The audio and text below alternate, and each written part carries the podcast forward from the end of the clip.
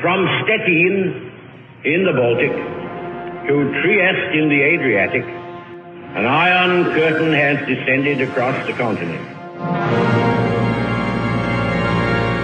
Robeža starp austrumiem un rietumiem, starp padomju totalitārisma un brīvo pasauli.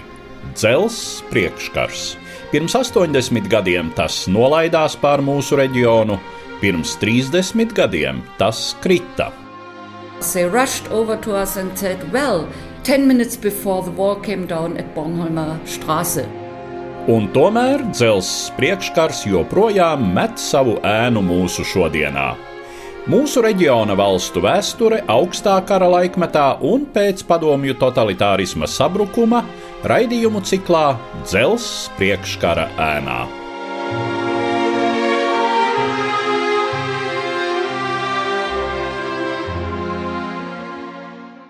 Labdien, cienījamie klausītāji! Mūsu šodienas sarunas temats ir Somija, un mans sarunbiedrs studijā politologs Veikos Polītis. Labdien! Labdien! Somija, runājot par šo dzelzceļa priekškara ēnu, ir veiksminiece Otrā pasaules kara kontekstā. Jo par spīti tam, ka tā zaudēja Padomju Savienībai diezgan plašas teritorijas. Apmēram 400 tūkstoši Somijas pilsoņu devās bēgļu gaitās, pārcēlās uz citiem valsts reģioniem. Somija karoja ilgi un smagi ar Padomju Savienību un bija spiesta parakstīt kā Otrā pasaules kara zaudētāja valsts, zināmā mērā pazemojošu miera līgumu. Somijai bija jāmaksā reparācijas Padomju Savienībai. Un tomēr Somija saglabāja savu valstisko neatkarību, brīvā tirgus ekonomiku, nebija pakļauta padomju eksperimentiem un uh, saglabāja demokrātisku valsts iekārtu. Taču, kā jau es minēju, šis 1947. gada Parīzes miera līgums de facto nolika Somiju tobrīd vēl Staļiniskās padomju savienības ietekmes sfērā. Kāda bija Padomju Savienības reālā ietekme uz Somiju un Somijas iekšpolitikā. Padomju Savienības ietekme noteikti pēc otrā pasaules kara beigām bija liela, bet Somija spēja noturēt savu demokrātisko iekārtu, klupdama, krizdama. Viņa nonāca līdz vienīgai valstī, kura pirmā pēc otrā pasaules kara noturēja atklātas, un demokrātiskas vēlēšanas 1945. gada martā, tātad vēl pirms uzvaras dienas Eiropā pasludināšanas. PSRS, protams, centās savu ietekmi veicināt Somijas iekšpolitikā, bet pateicoties Somu armijai, Somijas armijas virspavēlniekam un Somijas tautas un sabiedrības saliedētībai, Padomju Savienība nespēja noteikt savus noteikumus cauri saviem ietekmes aģentiem un piekto kolonu, kā tas bija piemēram bijušajā Čehoslovākijā, Polijā, Rumānijā, Ungārijā. Un līdz ar to Somijas iekšpolitika palika PSRS neskarta. Papildus 1947. gada Parīzes līgumam, kur tika nolemts gan par reparācijām, kuras Somija ļoti precīzi izpildīja, gan par zemes zaudēšanu, tātad arī vienošanos, kādā veidā civiliedzīvotāji atgriežas. Neaizmirsīsim, tie ir gandrīz pusmiljons Somijas karēļu, kuri atgriežas Somijā, kur ir jāizmitina, kuriem ir jādod darbs un viss pārējais. Papildus tam 1947. gadā Maskavā tiek noslēgts sadarbības, draudzības un savstarpējās palīdzības līgums, kurš ļoti strikti noteica, kādā veidā Somija un PSRS sadarbojās. Un, ja kaut kas nenotiek lielajiem kaimiņiem paprātam, tad uzreiz tiek sauktas militārās konsultācijas potenciāli PSRS karaspēku ieviešanai, jo neaizmirsīsim, arī kad šis gan Parīzes, gan Maskavas līgums noteica, ka Somija nevar uzturēt lielāku armiju, kā tas ir noteikts miera laikā. Līdz ar to bija Somijai vesels lērums ierobežojumu, bet tajā pašā laikā spējot saglabāt pašaizsardzības vienības, ko mēs saucam par zemesardzi, gan arī ieroču noliktavas pāri visai Somijai, PSRS neuzdrošinājās pārkāpt šos noteikumus un līdz ar to Somijas historiografijā šis laiks ir nosaukts kā briesmu periods, proti no 45. līdz 48. gadam, jo tas ir periods, kad vēl nav aizsācies augstais karš. Jo 47. gadā, kad tiek noslēgts Parīzes līgums, arī Maskavas līgums starp Somiju un PSRS, arī Fultonas runa ir, kurā tātad Čerčils pasludina par dzelzs priekškaru, kas ir nostiepies cauri Eiropas kontinentam, un līdz ar to Somija redz, ka diplomātiski viņa ir spējīga daudz vairāk pastāvēt par savām interesēm, un šeit, protams, arī ir iekšpolitiski dažādi PSRS darboņi, kur ir pasteigušies, proti arī Baltijas valstīs savu lomu spēlējušais um, Andrejs Ždanovs bija nolikts par pēckara pārbūves komisijas priekšsēdi, jo šobrīd vairāk vēsturiski avoti saka, ka Staļina tuvākie cilvēki vēlējās viņu dabūt prom no Maskavas. Līdz ar to viņš tika nosūtīts uz Helsinkiem, un šajā gadījumā viņš mēģināja dabūt tomēr to cauri, lai Somija līdzīgi kā ar Čehoslovākiju noslēgtu militārā sadarbības līgumu. Šādi pasteidzoties, Molotovs viņam aizlika kāju priekšā, līdz ar to Somija izglābās no šādas Čehoslovākijas un arī pārējo Austrumēropas un Centrāla Eiropas valstu likteņa, kura savu likteni pabeidza Varšavas paktā un kurš nozīmē 50 gadu satelīta pozīcijas. Var teikt, ka pateicoties tieši demokrātiskiem institūtiem un vēlēšanām, jau 45. gada martā Somija atgūs savas pozīcijas sabiedrotu acīs tieši ASV un Anglijas acīs, kuras viņi bija zaudējuši 44. gadā, noslēdzot ieroču brālības līgumu ar Hitleru, kas Somijas pozīcijas no 44. līdz 48. gadam padarīja ļoti, ļoti labīgas. Runājot par Padomju Savienības ietekmi, ir vairāki tādi momenti vēl bez šīs, teiksim, militārās hegemonijas reģionā, ar ko Somija pirmām kārtām ir spiest rēķināties. Somija noraida piedāvāto maršala plāna palīdzību. 47. gadā. Jā. Tas ir ļoti zīmīgi. Faktiski vienīgais, tā domāju, brīvā tirgus ekonomika Eiropā, kas nav padomju bloka valsts, kura atsakās Čehoslovākijā bija līdzīgi jāatsakās. Jā.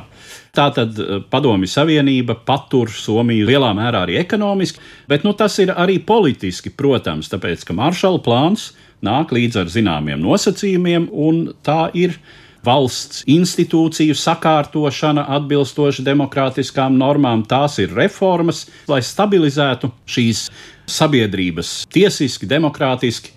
Somijai tas iet secen. Amerikāņi tomēr sniedz palīdzību slepeni.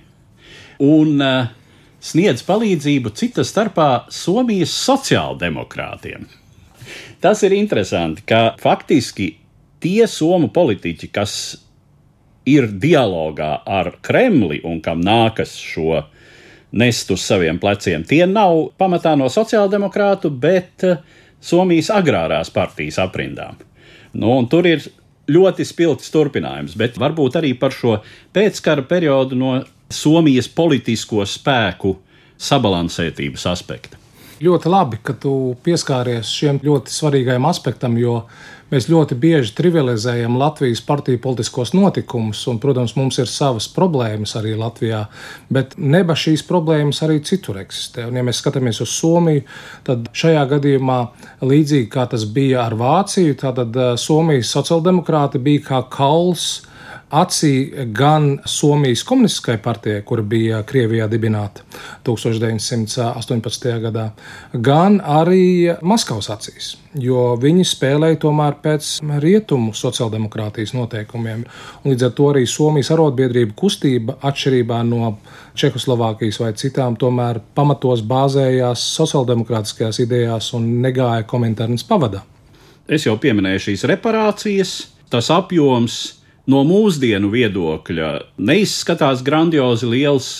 Tie ir šķiet 5,5 eh, miljardi dolāru. Šodienas naudas izteiksmē, kas pret šodienas Somijas iekšzemes koproduktu šķiet samērā neliela summa, bet, protams, ir krietni smagāk paceļama toreiz. Bet eh, kā tas arī ar reparācijām mēdz būt, ka Somija ir spiesta šo reparāciju izmaksāšanas nolūkā pātrināti industrializēties, un uh, uz uh, Somijas meža bāzes tiek būvēta kokapstrādes rūpniecība, celulozes un papīra rūpniecība. Šīs lietas ir pieprasītas Skandināvijā, bet pirmām kārtām jau kara sagrautajā Rietumē Eiropā. Somija to pārdod uz Lielbritāniju, pārdod uz Vāciju, uz citām Eiropas valstīm, un tādā veidā diezgan pātrināti notiek pārēja no pamatā tomēr agrāras ekonomikas uz agrāru industriālu ekonomiku, un notiek, protams, strauji urbanizācijas process. Tas viss eh, faktiski ļauj Somijai arī teiksim, izdarīt šo ekonomisko lēcienu. Lai gan Somija vēl 60. gadu beigās, 70. gadu sākumā atpaliek no tās pašas Zviedrijas industrializācijas ziņā, un šajā laikā Somijā ir darba roku pārpalikums, un diezgan daudzi somi dodas strādāt, peļņā, pelnīties uz Zviedriju, kur daudz arī paliek. Bet eh, runājot par Somijas politiku. 1956. gadā sākas Somijas prezidenta Kekonena ēra. Urho Kaleva Kekonens Somijas prezidenta amatā ir līdz pat 1982. gadam. Demokrātiskas valsts galvam tas izskatās kaut kā diezgan aizdomīgi, jo tāds termiņš, tādi mēdz būt padomju blokā, kur, teiksim, šie kompartiju līderi komunistisko režīmu vadītāji, tad nu tiešām sēž tur tikmēr, kamēr ar kājām pa priekšu.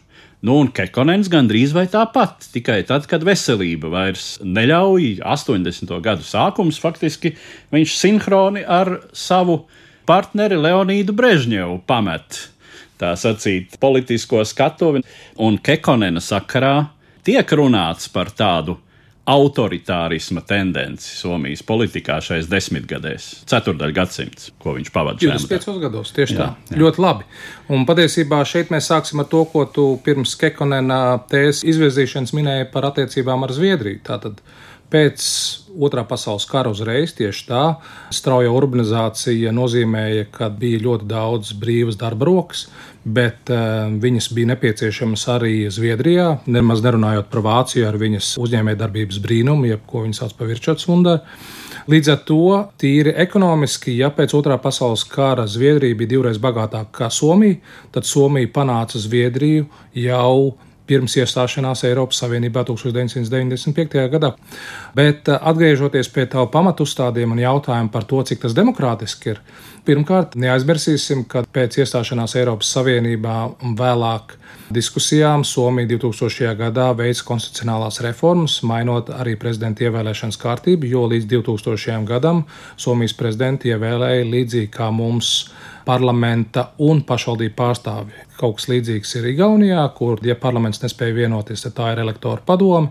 Tad šāda elektoru padome Somijā pirms 2000. gada parasti ievēlēja Somijas prezidentu. Un līdz ar to īsā atbilde tavam jautājumam, kāpēc demokrātiskā valstī tik ilgi prezidents var pārvēlēties, un atbildi gaužām vienkārši. Ja prezidents spēja nodrošināt ekonomisku augšupēju, sabiedrība, kurā visnotaļ konservatīva un pārdzīvojusi kara šausmas, tad tas ir iespējams. Līdzīgi kā tas bija Turcijā ar Atatürku, piemēram. Tā kā arī šeit mēs varam paralēlus redzēt, un arī lasot turku materiālus, tad uh, turki sūtīja savus pārstāvjus uz Somiju un mācījās no Somijas industrializācijas piemēra. Un šeit mēs nonākam līdz svarīgākajam jautājumam, proti, Sākotnēji, vēl pirms republikas pasludināšanas, bija iespējams, ka viņi būtu nonākuši līdz karalim. Tā kā šeit Hessenes princis būtu kļuvis par Somijas karali Urijo I. Par laimi, republikāņi ņēma pārsvaru, tāpēc atgriežoties pie tavu jautājumu par šo industrializāciju pēc otrā pasaules kara, pamats tika ielikts cauri agrāro reformu. Mēs agrāro reformu atceramies cauri šīm diskusijām, kas skāra vācu barona zemes. Šāda pati diskusija nenotika Somijā, bet Somijā bija viens pluss atšķirībā no Latvijas. Viņiem bija vairāk zemes un vairāk mežu. Līdz ar to šeit strauji augošajai pilsētu videi un um, darba rokām tika nodrošinātas iespējas visās Somijas rajonos iegūt zemi ar mežu.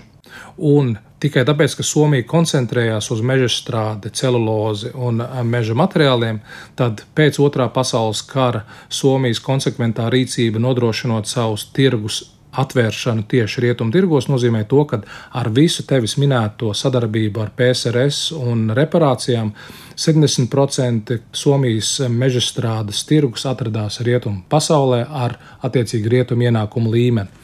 Un tikai 30% tirgus bija ar PSRS. Un šī sadarbība ar PSRS strādāja pēc tiem saucamiem clearing līgumiem, kur šī Somijas PSRS 47. gada līguma ietvaros sanāca PSRS un Somijas valdību pārstāvi, nolēma par pasūtījumu daudzumu.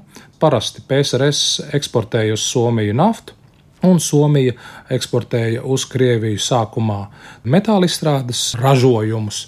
Vēlāk jau Somu uzņēmēji būvēja pilsētas mājas, sevišķi Karēlijā un Pēterburgas, tajā laikā Ļeņingradas apkārtnē un vēlāk jau arī citus izstrādājumus. Bet kas bija pats svarīgākais, Somijas uzņēmēji bija pasargāti no tirgus svārstībām, sevišķi mežstrādē. Somija vienmēr varēja savu ekonomiku līdzsvarot ar PSRS pasūtījumiem, kur tātad metāla izstrādājumi, kas nozīmēja gan kuģi, atomledlauži, dažādas citas rūpnīcu industriālās iekārtas bija tās, kuras Somi plānveidīgi ļoti precīzi nogādāja PSRS. Jā, Tad, kad reparācijas ir izmaksātas, tas jau turpinās uz savstarpēji izdevīgas preču apmaiņas bāzes.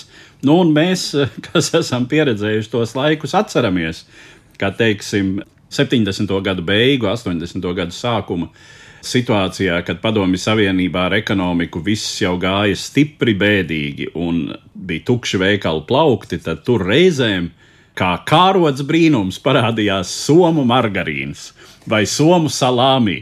Vai apelsīnu marmelāde. Jā, un uh, arī tas lielā mērā saistās ar šo Kekonenu laiku. Nu, jāsaka, Kekonens, protams, padomi režīmam bija izdevīgs, tāds patīkams un saprotams partneris ar šo savu ilglaicīgumu, un viņš Somu padomju attiecības turēja stingri savās rokās un lielā mērā monopolizēja. Iespējams, ka citādi arī būtu bijis grūti tādas attiecības uzturēt, bet tas ir tas fenomens, kas ir iegūmis apzīmējumu finlandizācija.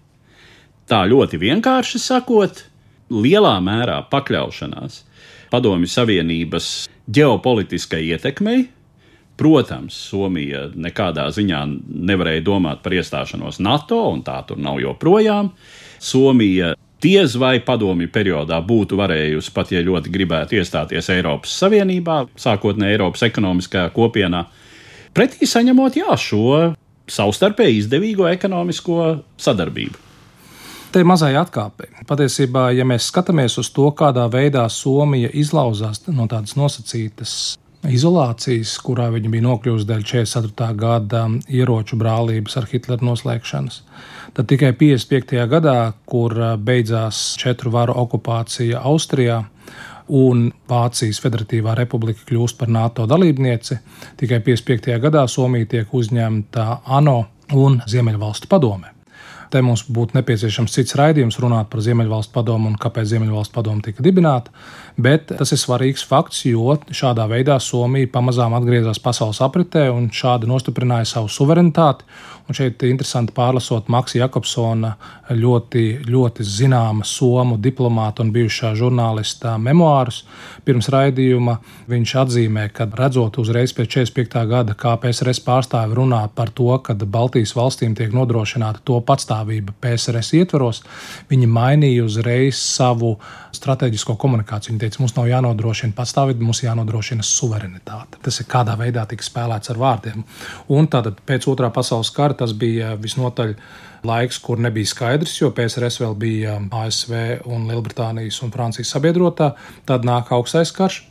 Bet tajā pašā laikā neaizmirsīsim, līdz pat 70. sākumam, ko tu ieskicēji, lielākā daļa pasaules, tā skaitā amerikāņi, ticēja Staļina un vēlāk Hruščeva statistikai, un viņi uzskatīja, ka PSRS tiešām ekonomiski būs viena no pasaules lielvarām. Līdz ar to cilvēki reāli ticēja PSRS spējai sasniegt līdzīgus sasniegumus, kā tas ir Rietumvalstīs, tomēr Sputniks jau 50. gadu beigas, 60. gadu sākums mēs nonākam līdz Karību krīzei bet tas jau ir cits stāsts. Tā kā šajā gadījumā Somu izpratne. Kāpēc viņi atšķīrās no citiem, ja mēs runājam par to pašu centrālu austrumu Eiropu un arī skatoties no rietumiem, Somi saprata, ka viņiem nemitīgi būs jādzīvo blakus Krievijai.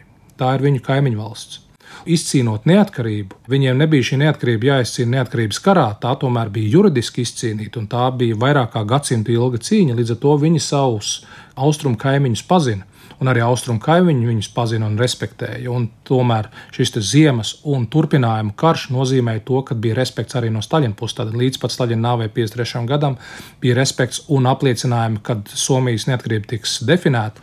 Līdz ar to šodienas Somijas vēsturnieku atklājumus arhīvos parāda, ka jā, paši Somi baidījās par savu neatkarību. Tajā pašā laikā Staļins bija licis saprast, ka viņam nevajag attiecību sāsinājumu ar rietumu valstīm. Un tāpēc Somijā ir jāpatur pēc kara uzreiz Pāzīgivī, pēc Pāzīgivī Kekonens.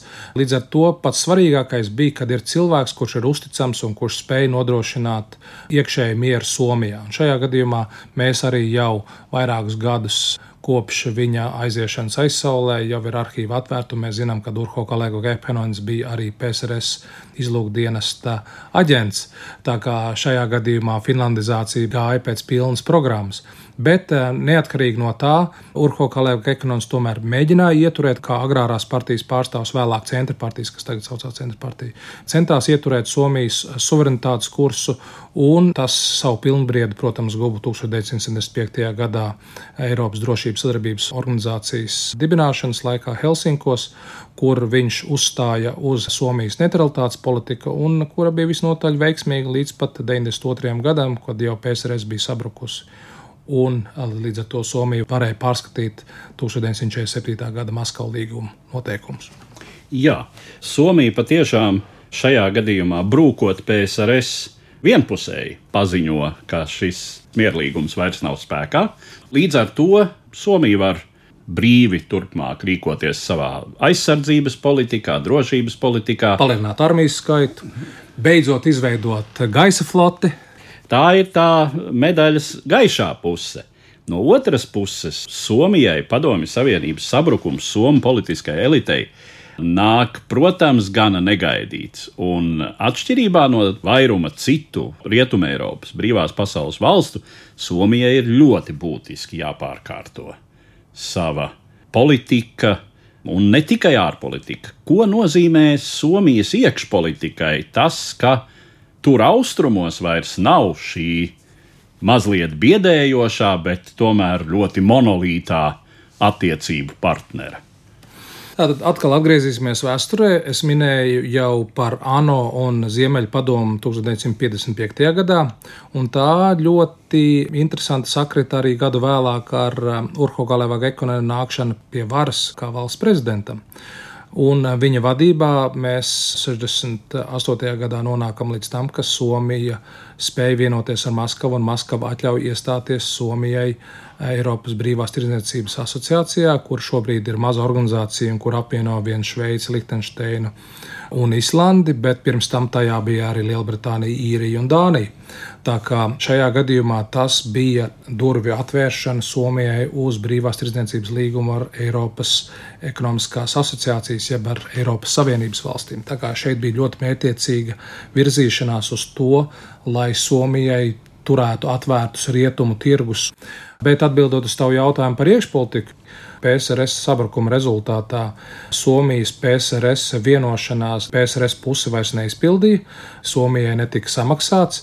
Tas izraisīja Somijā krīzi, ekonomisko vispirms un tad arī politisko krīzi. Un līdz ar to pēc 50 gadu pārtraukuma 1987. gadā labējie nonāk valdības vadītāja un tāda valdošās koalīcijas sastāvā, kur šī vienotības Kokomus partija Eskvāho vadībā sāk vadīt Somiju kopā ar sociāldemokrātiem. Un vēlāk ir dažādas koalīcijas, kur tad ir centra partija, bijušā zemnieku savienība. Un līdz ar to mēs redzam, ka šis kreisuma periods, kurš iezīmēja gan finlandizācijas, gan sevišķo attiecību ar Krieviju periodu, pamazāk sāk mazināties. Jo vēsturiski arī bija interesanti, kad eh, līdz Otrā pasaules kara beigām 201 cilvēka Somijas parlamentā kreisie nekad neieguva vairāk kā 70 balsis. Tad uzreiz pēc otrā pasaules kara viņiem bija 97 komunistiem, sociāldemokrātiem un Demokrātiskā progresa partijai kopā. Un tad gada no gada šis skaits mazinājās līdz sasniedzis šobrīd, viņi tur apmēram 50, 55 pārstāvi 201 cilvēku parlamentā. Un līdz ar to Somija, saprotams, virzījās uz to, ko tu jau minēji. Tātad ļoti ātri noslēdz vienošanos par asociāciju ar Eiropas Savienību, tātad vienpusēji pārtrauca attiecības ar PSRS un izveidoja tirdzniecības līgumu ar Krieviju.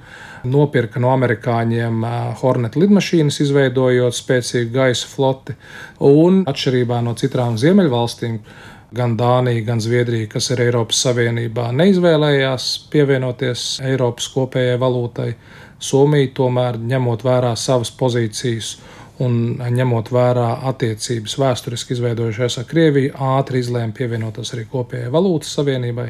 Tas būtu tāds vispārējais ātrs pārstāsts.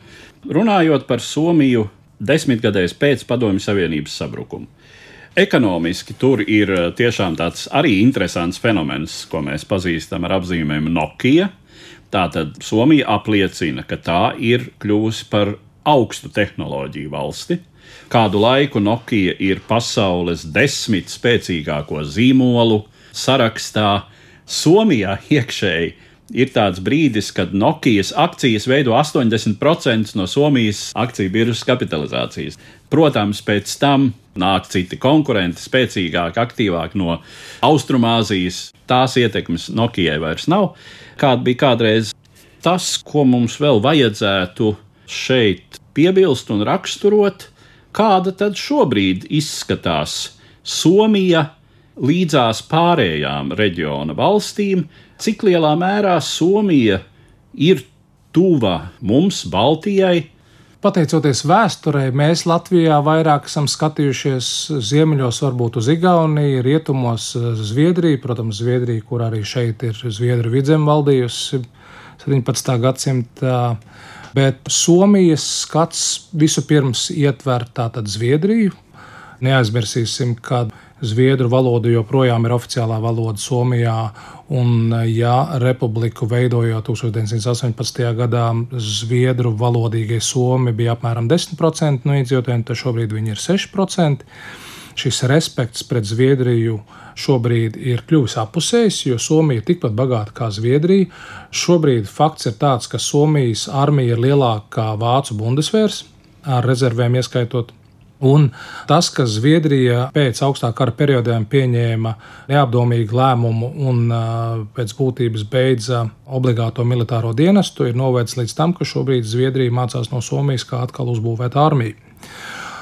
Un līdz ar to Somija tradicionāli liek savu kārti uz Somijas-Zviedrijas sadarbību tieši militārā un strateģiskā jomā. Tātad runājot par to, kā tas bija arī pirms otrā pasaules kara Ālandas salas aizstāvot, kas gan arī mazliet deva negatīvu efektu, ja runājam par to, kā Krievija iztulkoja to, ka Zviedrija, tā sakot, nolece no Somijas piedāvājumu nodrošināt Ālandas salu aizsardzību 38. un 39. gadā.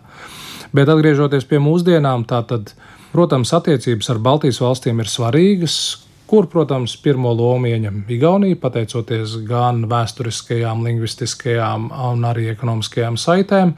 Un ģeopolitiski tātad runājot par Somu līci un abām valstīm un zinot to, kādi ir izaicinājumi ne tikai ģeopolitiski, bet arī tādā lietā kā, piemēram, dabas aizsardzība, ko mēs vispār nepieminējām. Tātad 1975. gada Eiropas Drošības sadarbības organizācijas dibināšana saskanēja arī ar eh, Helkom veidošanu, tāda cīņa par Baltijas jūras tīrību. Jo var taču Somija un Zviedrija vai Vācijas Federatīvā republika cīnīties par Baltijas jūras tīrību, bet ja PSRS gandē jūru, nu tad tā jūra mirst. Tā kā neaizmirsīsim arī eh, šo aspektu. Un līdz ar to Somija, protams, liek uzsvaru uz sadarbību Eiropas Savienībā, uz sevišķām attiecībām ar Zviedriju un Ziemeļpadomē, un nodrošinot paredzamas un labas partnerattiecības ar savu lielo austrumu kaimiņu. Tā kā šajā gadījumā Somija neko sevišķi nav mainījusi, Somiju var skatīties kā ļoti labu piemēru konservatīvai ārpolitikai, vai nosauksim viņu par reālu politiku. Un, manuprāt, mums joprojām ir no Somijas daudz ko mācīt. Ar tādu secinājumu tad es arī noslēgšu mūsu šodienas raidījumu, kas bija veltīts Somijai periodā pēc otrā pasaules kara. Un es saku paldies manam sarunbiedram, politologam Veiko Spolītim. Paldies jums! Cik platu ēnu joprojām met pirms 30 gadiem kritušais dzelzs priekškars? Mūsu reģiona valstu vēsture padomju totalitārisma periodā un pēc šīs sistēmas sabrukuma - raidījumu ciklā Dzelzs priekškara ēnā. Katra mēneša pēdējā trešdienā pēc pulksten trijiem pēcpusdienā Latvijas Radio 1.